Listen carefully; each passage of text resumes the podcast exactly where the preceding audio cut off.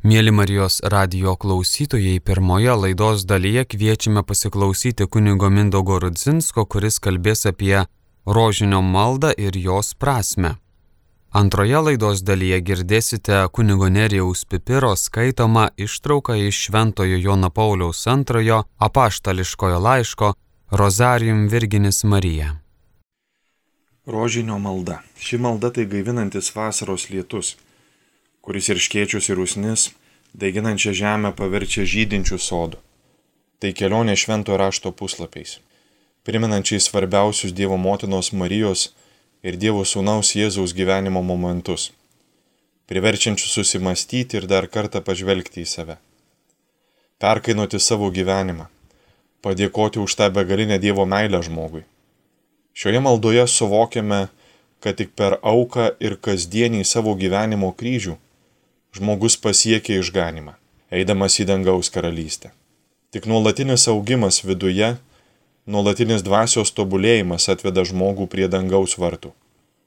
Nepataikavimas kūno gaiduliams, o įsiklausimas į vidinį, Dievo balsą, veda žmogų teisingų kelių. Tik nuolatinis buvimas su Dievu maldoje, pasitikėjimas juo padeda bręsti žmogaus dvasiai. Juk žemės gyvenimas žmogui tam ir duodamas, kad galėtų subręsti jo dvasia, kad jis rastų Dievą. O Dievo mes randame tiek, kiek jo ieškome. Geriausia priemonė tam ir yra rožinio malda. Tai nuostabi, raminanti ir gydanti priemonė. Praleiskime kasdien pusvalandį ne prie televizoriaus ekrano šviesos, o rožinio maldoje ir viskas pasikeis. Mes pamiršome šią nuostabią maldą, kurią vėl ragina atrasti popiežius. Nurijame tabletę ir einame miegoti. Geriau pabūkime su Dievu maldoje. Tai veiksmingesnė priemonė negu cheminė terapija. Dažniausiai mūsų dienų žmogus serga ne kūno, o dvasia. Pirmiausia, gydimas reikalinga žmogaus dvasiai, o čia tai yra vienintelė priemonė - Dievas, malda ramybė ir taika. Juk tai žmogaus širdyje vyksta nuolatiniai karai tarp gėrio ir blogio. Tik čia pirmiausia turi būti pasirašytos paliaubos Dievo ranka - malda.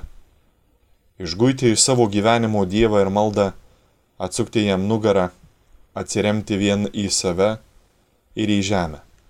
Tai slidus ir nepatikimas atramos taškas. Ir grįžkime prie rožinio maldos tai pati didžiausia palaima mūsų gyvenime. Rožinio malda yra tarsi Evangelijos santrauka, kurioje kartu su švenčiausia mergelė Marija yra apmastomi ir kontempliuojami svarbiausi Jėzaus ir Marijos gyvenimo slėpiniai. Išganimo kelyje nepaprastas vaidmuo teko Dievo motinai, per kurią žodis tapo kūnu. Marija visada buvo šalia Kristaus žemiškajame jo kelyje ir geriausiai jį pažino, kaip kiekviena motina pažįsta savo vaiką. Mirdamas ant kryžiaus, Jėzus ištarė, moterie, štai tavo sūnus. Paskui tarė mokiniui, štai tavo motina. Tokiu būdu Marija tapo dvasinė visų krikščionių motina. Rožinio slėpinių išgyvenimas kartu su švenčiausia mergele yra giliai prasmingas. Per rožinio maldą krikščioniškoji tauta leidžiasi įvesdinama į Kristaus veido grožio kontempliavimą ir jo meilės gelmės patyrimą. Kristaus slėpiniai yra ir jo motinos slėpiniai. Juk rožinės yra meditacinė malda, kuri remiasi kartojimu. Kartojimas neturi tapti mechanišku. Meldžiantis yra svarbu įsigilinti į kiekvieną slėpinį, jį apmastyti, ir tarsi dalyvauti išganimo vyksme. Rožinio malda yra priminimas to, kas buvo, tačiau šie įvykiai nėra vien vakar.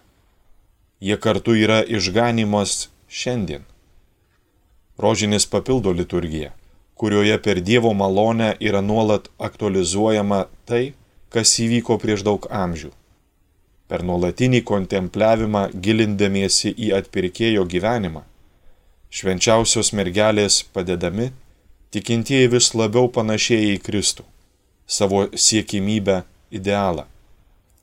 Rožinis mus mistiškai perkelia prie Marijos, į Nazareto namus, kur jį rūpinasi žmogiškų Kristaus augimu. Šitaip netiesiogiai gali mus auklėti ir ugdyti, kol mumise išryškės Kristaus vaizdas. Ši malda padeda žmogui geriau perprasti išganomosios kančios prasme ir suvokti savo paskirtį šiame kelyje. Džiaugsmo slėpiniai dalyje apmąstymų ašis yra įsikūnymo slėpinys. Čia visi įvykiai yra kupini džiaugsmo nuo apreiškimo Marijai per kūdikio gimimą iki jo atradimo šventykloje. Kančios kelyje Kristus su nepaprasta meilės gale žmonėms žengia į galutinį savo misijos kelią - atpirkimą per mirtį ant kryžiaus. Šis kelias prasideda Getsemanės sode. Tėve, jei nori, atimk šią taurę nuo manęs, tačiau te būna ne mano, bet tavo valia. Ir baigėsi ant Galgotos kalno. Pagaliau išgyventos skausmo tylą pertraukia nuostabus įvykis. Įvyksta tai, ką žadėta. Kristus prisikelia iš numirusių žengia į dangų ir užima garbingą vietą Dievo tėvo dešinėje. Prie Jėzaus prisijungia ir jo motina. Simbolinę reikšmę turi ir verinys, kuriuo naudojamasi kalbant rožinį. Būdamas uždaras, jis yra nesibaigiantis, nuolatinis artėjimas prie kryžiaus. Palaimintasis Baltramiejus Longas rožinio vėrinį lygina su grandine, jungiančia su Dievu o rožinį palaimintas Marijos, švelnioji grandinė, jungianti mūsų Dievu, meilės ryšį, vienijantis mus su angelais, išminties bokšte, atsilaikantis prieš pragaro antpolius, saugusis uostė jūros katastrofoje, daugiau tavęs nebepamesime. Apibendrinti teologinę rožio prasme galime šiais popiežiaus Jono Pauliaus antrojo žodžiais. Iš tikrųjų kalbėti rožinį reiškia ne ką kitą, kaip kartu su Marija kontempliuoti Kristaus veidą. Rožinio malda yra meditacinio pobūdžio, padeda giliau suvokti Evangelijos prasme ir yra nuolatinis artėjimas prie Dievo. Kontempliuodamas slėpinius atspindinčius svarbiausius Kristaus išganomojo kelio etapus ir iš esmės suvokdamas atpirkimo reikšmę. Žmogus įprasmina savo egzistenciją, kuri nesibaigia žemėje, bet tęsiasi amžinai Dievo karalystės spindesyje. Išganimo keliu nuolat lydi Marija, kartais nepastebima, tačiau kantriai, pastoviai mokydama pažinti Jėzų.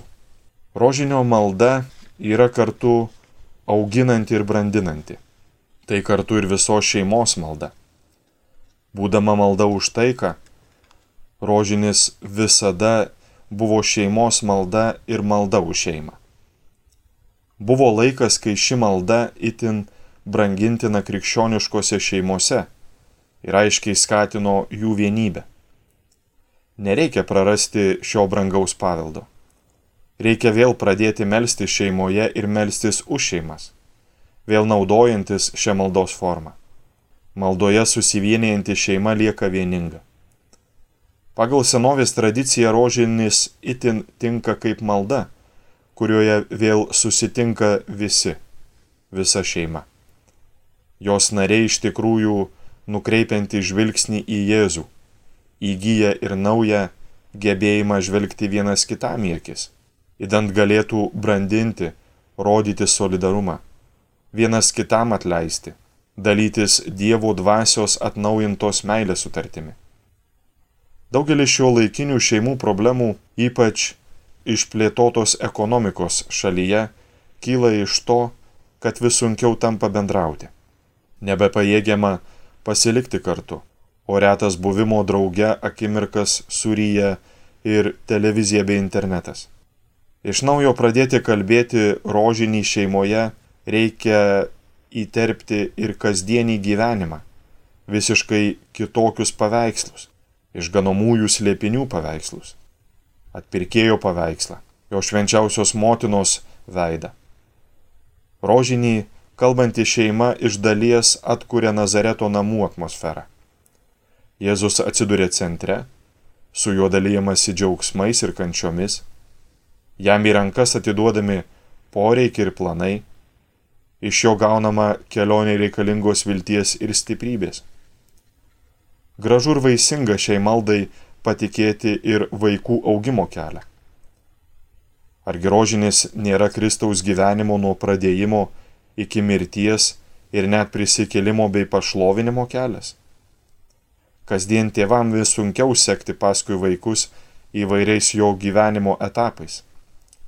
Dėl toli pažengusios technologijos, žiniasklaidos ir globalizacijos visuomenėje viskas vyksta labai sparčiai ir kultūriniai skirtumai tarp kartų vis didėja.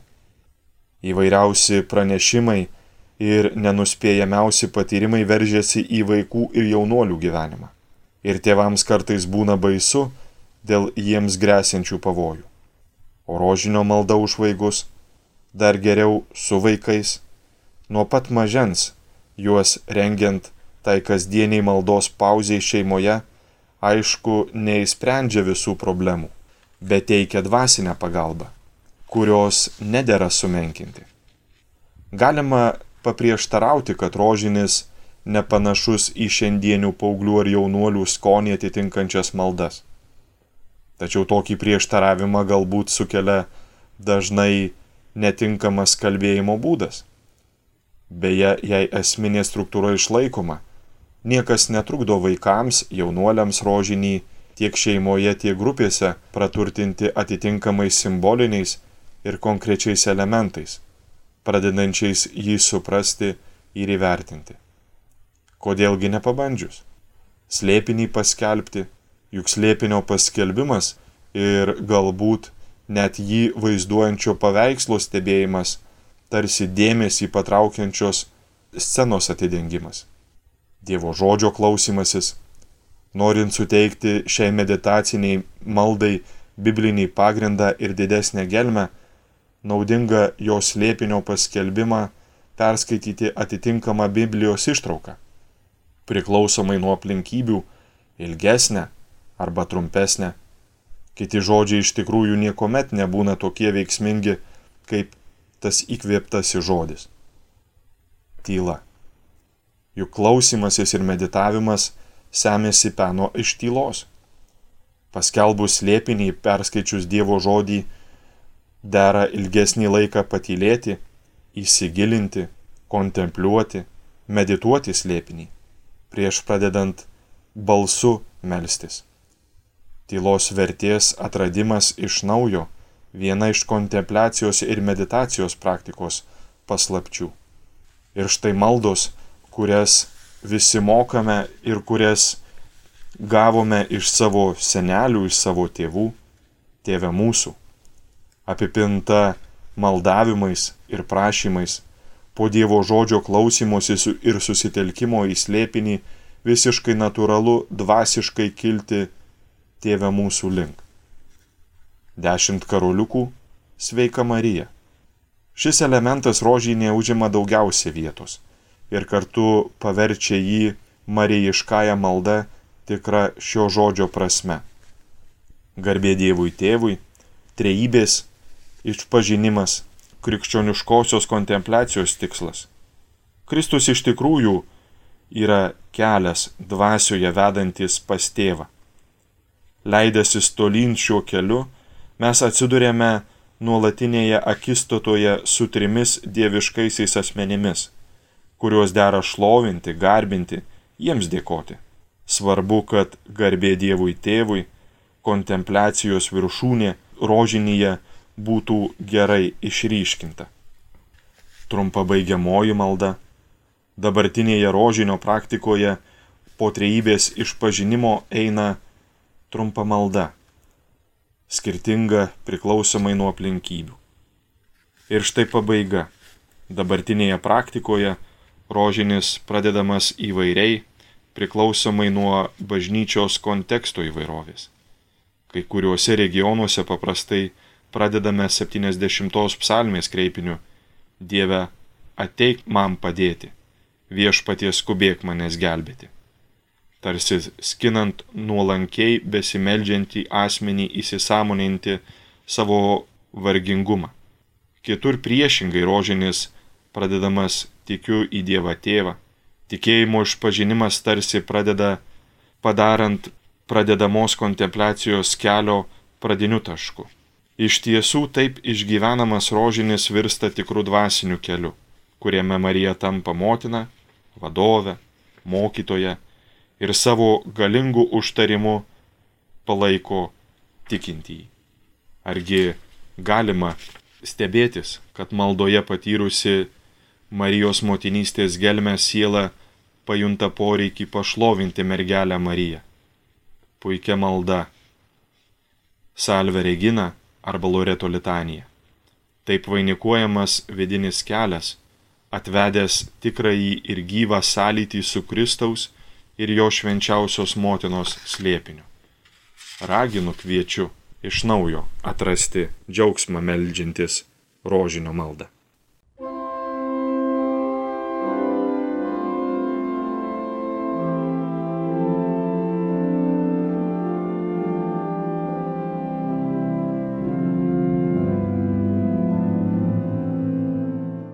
Kviečiame pasiklausyti popiežiaus Jono Pauliaus antrojo apaštališkojo laiško Rozarium Virginis Marija apie šventąjį rožinį.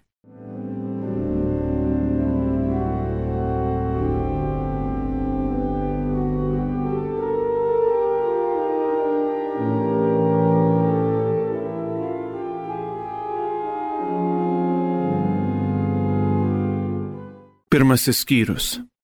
Kontempliuoti Kristų kartu su Marija. Jis atsimainė jų akivaizdoje, jo veidas sužybo kaip saulė. Evangelijos epizodą apie Kristaus atsimainimą, per kurį trys apaštalai Petras, Jokūbas ir Jonas atrodo užburti atpirkėjo grožio, galima traktuoti kaip krikščioniškosios kontempliacijos ikoną. Įsmeigti akis į Kristaus veidą kasdienėme ir skausmingame žmogystės kelyje atpažinti jos slėpinį ir net įžiūrėti tėvo dešinėje, sėdinčiame pašlovintame, prisikėlusiajame, galutinai apsireiškusi dievišką įspindesį. Toks yra kiekvieno Kristaus mokinio uždavinys, taigi ir mūsų uždavinys. Kontempliuodami šį veidą, mes pasirengėme priimti trejybinio gyvenimo slėpinį, įdant galėtume kas kart naujai patirti tėvo meilę ir pradžiugti šventosios dvasios džiaugsmu. Taip mums įsipildo šventojo Pauliaus žodžiai. Mes visi atidengtų veidų viešpatie šlovę atspindėdami, daromės panašus į jo atvaizdą. Marija nepranokstamas Kristaus kontempliacijos pavyzdys. Sūnaus veidas jai priklauso ypatingo titulo dėka. Būtent jos iščiose jis susiformavo, iš jos perimdamas ir žmogiškai panašumą, rodantį dar artimesnę dvasinę giminystę. Niekas taip uoliai nebuvo atsidėjęs Kristaus veido kontempliacijai kaip Marija. Jau per apreiškimą pradėdama iš šventosios dvasios, savo širdies akis tam tikrą prasme ji buvo nukreipusi į jį. Paskesniais mėnesiais jie pradeda justi jo buvimą ir nujausti jo bruožus. Pagaliau pagimdžiusi jį Betliejuje, savo kūno akimis, ji taip pat meiliai žvelgia į savo sūnaus veidą, vystydama vystiklais ir guldydama ėdžiose. Nuo šiol jo žvilgsnis visuomet kupinas adoruojančios nuostabos, neatsitrauks nuo jo. Kartais tai bus klausimas žvilgsnis kaip jam pasimetų šventykloje, vaikeli, ką mums tai padarai. Visada tai bus skvarbus žvilgsnis, pajėgintis skaityti Jėzaus gilumoje ir net išvelgti slaptus jo jausmus bei nuspėti sprendimus kaip kanoje. Kitais atvejais tai bus skausmingas žvilgsnis, ypač kryžiaus papėdėje, bet ten bus, taip sakoma, ir gimdančios moters žvilgsnis nes Marija ne tik dalysis kančia bei mirtimi su vieninteliu sūnumi, bet ir mylimojo mokinio asmenyje įgis jai pavestą naują sūnų. Velykų rytą Tai bus prisikėlimo džiaugsmo nutvykstas žvilgsnis. Ir pagaliau sėkminių dieną dvasios išleimo uždegtas žvilgsnis. Marija gyvena nukreipusi akis į Kristų ir kiekvienas jo žodis jai tampa lobiu. Domėjosi visus šiuos dalykus ir svarstė juos savo širdyje. Jos sieloje įspausti atsiminimai apie Jėzų lydėjo ją visomis aplinkybėmis, skatindami mintyse iš naujo išgyventi įvairius gyvenimo greta sūnaus momentus.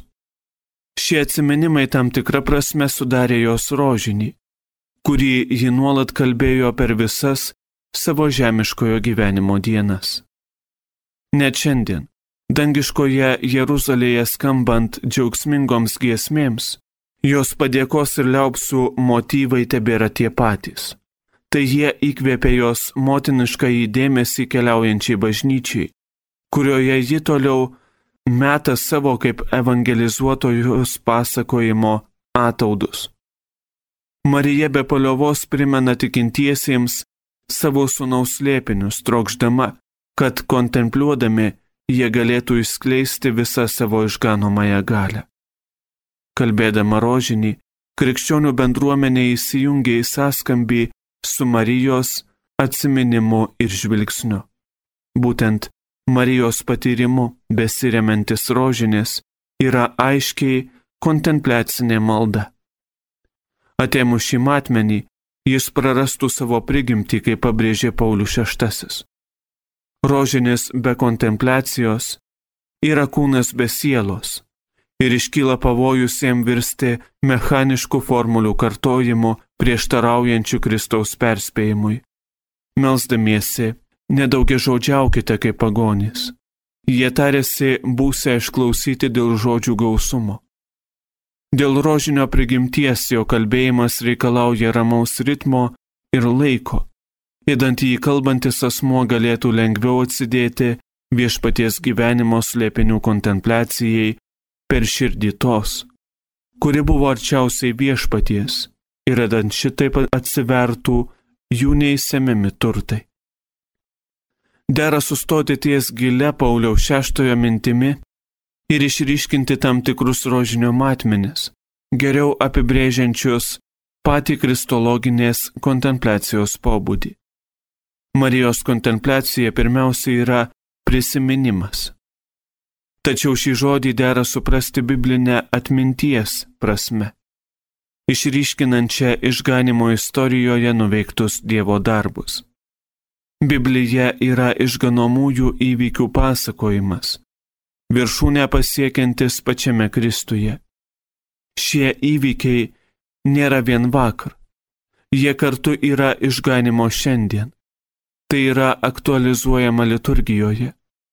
Visa, ką Dievas atliko prieš amžius, ne tik yra susiję su tiesioginiais senų laikų liudytojais, bet per malonės dovaną pasiekia ir visų laikų žmonės. Tam tikrų būdų tai tinka ir kiekvienai maldingumo praktikai, priartinančiai tuos įvykius. Jų prisiminimas, tikint ir mylint, reiškia atsiverimą maloniai, kurią Kristus išgavo mums savo gyvenimo, mirties ir prisikėlimo slėpiniais. Todėl dar kartą draugė su Vatikano antruoju susirinkimu priminus, jog liturgija, kaip Kristaus kunigiškosios tarnybos įgyvendinimas ir viešasis kultas, yra viršūnė, į kurią krypsta bažnyčios veikla ir kartu šaltinis, iš kurio plaukia visa jos stiprybė, dera priminti ir tai, kad dvasinis gyvenimas nesiriboja vien dalyvavimu šventojoje liturgijoje Tiesa, krikščionis pašauktas bendrai maldai, bet jis taip pat turi eiti į savo kambarį melstis tėvui esančiam slaptoje, netgi, kaip moko apaštalas, be paliovos melstis. Dėl savo specifikos rožinis priklauso šiai daugiaspalviai nepaliaujamosios maldos panoramai. Ir liturgija kaip Kristaus bei bažnyčios veikimas pirmiausia yra išganomasis veikimas o rožinis kaip meditacija su Marija apie Kristų yra išganomoji meditacija. Slėpinys po slėpinio gilinantis į atpirkėjo gyvenimą. Tai, ką atliko Kristus ir tai, ką aktualizuoja liturgija, yra giliau pasisavinama ir formuoja mūsų egzistenciją. Kristus yra mokytojas tikrąją šio žodžio prasme, apreiškėjas ir pats apreiškimas. Tai reiškia, jog dera mokytis ne tik to, ko jis moko, bet ir mokytis jį pažinti. O koksgi mokytojas geriau pažįsta šią sritį už Mariją? Dievybės požiūriu, dvasia yra vidinis mokytojas, vedantis mus į visą tiesą apie Kristų o tarp žmogiškųjų būtybių niekas geriau už ją nepažįsta Kristaus. Niekas kitas negali taip kaip jo motina įvesdinti mūsų į gilų jos slėpinio pažinimą. Pirmas iš Jėzaus atliktų ženklų - vandens perkeitimas į vyną per kanos vestuves - parodo Mariją būtent kaip mokytoją, raginančią tarnus vykdyti Kristaus paliepimus. Galima įsivaizduoti, jog jie atlieka šį vaidmenį tarp apaštalų po Jėzaus žengimo į dangų, pasilikusi laukti kartu su jais šventosios dvasios ir stiprindama juos per pirmąją misiją. Kelionė su Marija per rožinio scenas - tai tarsi buvimas Marijos mokykloje, mokantis skaityti Kristų, skverbiantis į paslaptis, perprantant skelbimą. Marijos mokykla bus ypač veiksminga, įsigilinus į tai, kad jai vadovaujanti, Marija išgauna mums gausų šventosios dvasios dovanų ir kartu rodo keliavimo tikėjimo takų pavyzdį, kaip neprilykstama mokytoja. Akistatoje su kiekvienu jo sūnaus slėpiniu, ji kaip per apreiškimą jai moko mus užduoti į šviesą atsiveriančius klausimus ir visada užbaigti tikėjimo klusnumu. Štai aš viešpaties tarnaitė, te būna man kaip tu pasakėjai.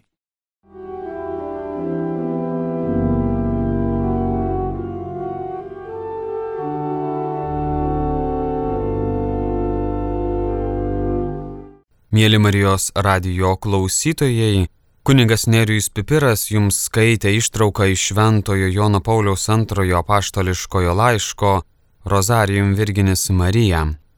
O pirmoje laidos dalyje klausėmės kunigo Mindaugo Rudzinsko, kuris kalbėjo apie rožinio maldą ir jos prasme. Likite su Marijos radijumi.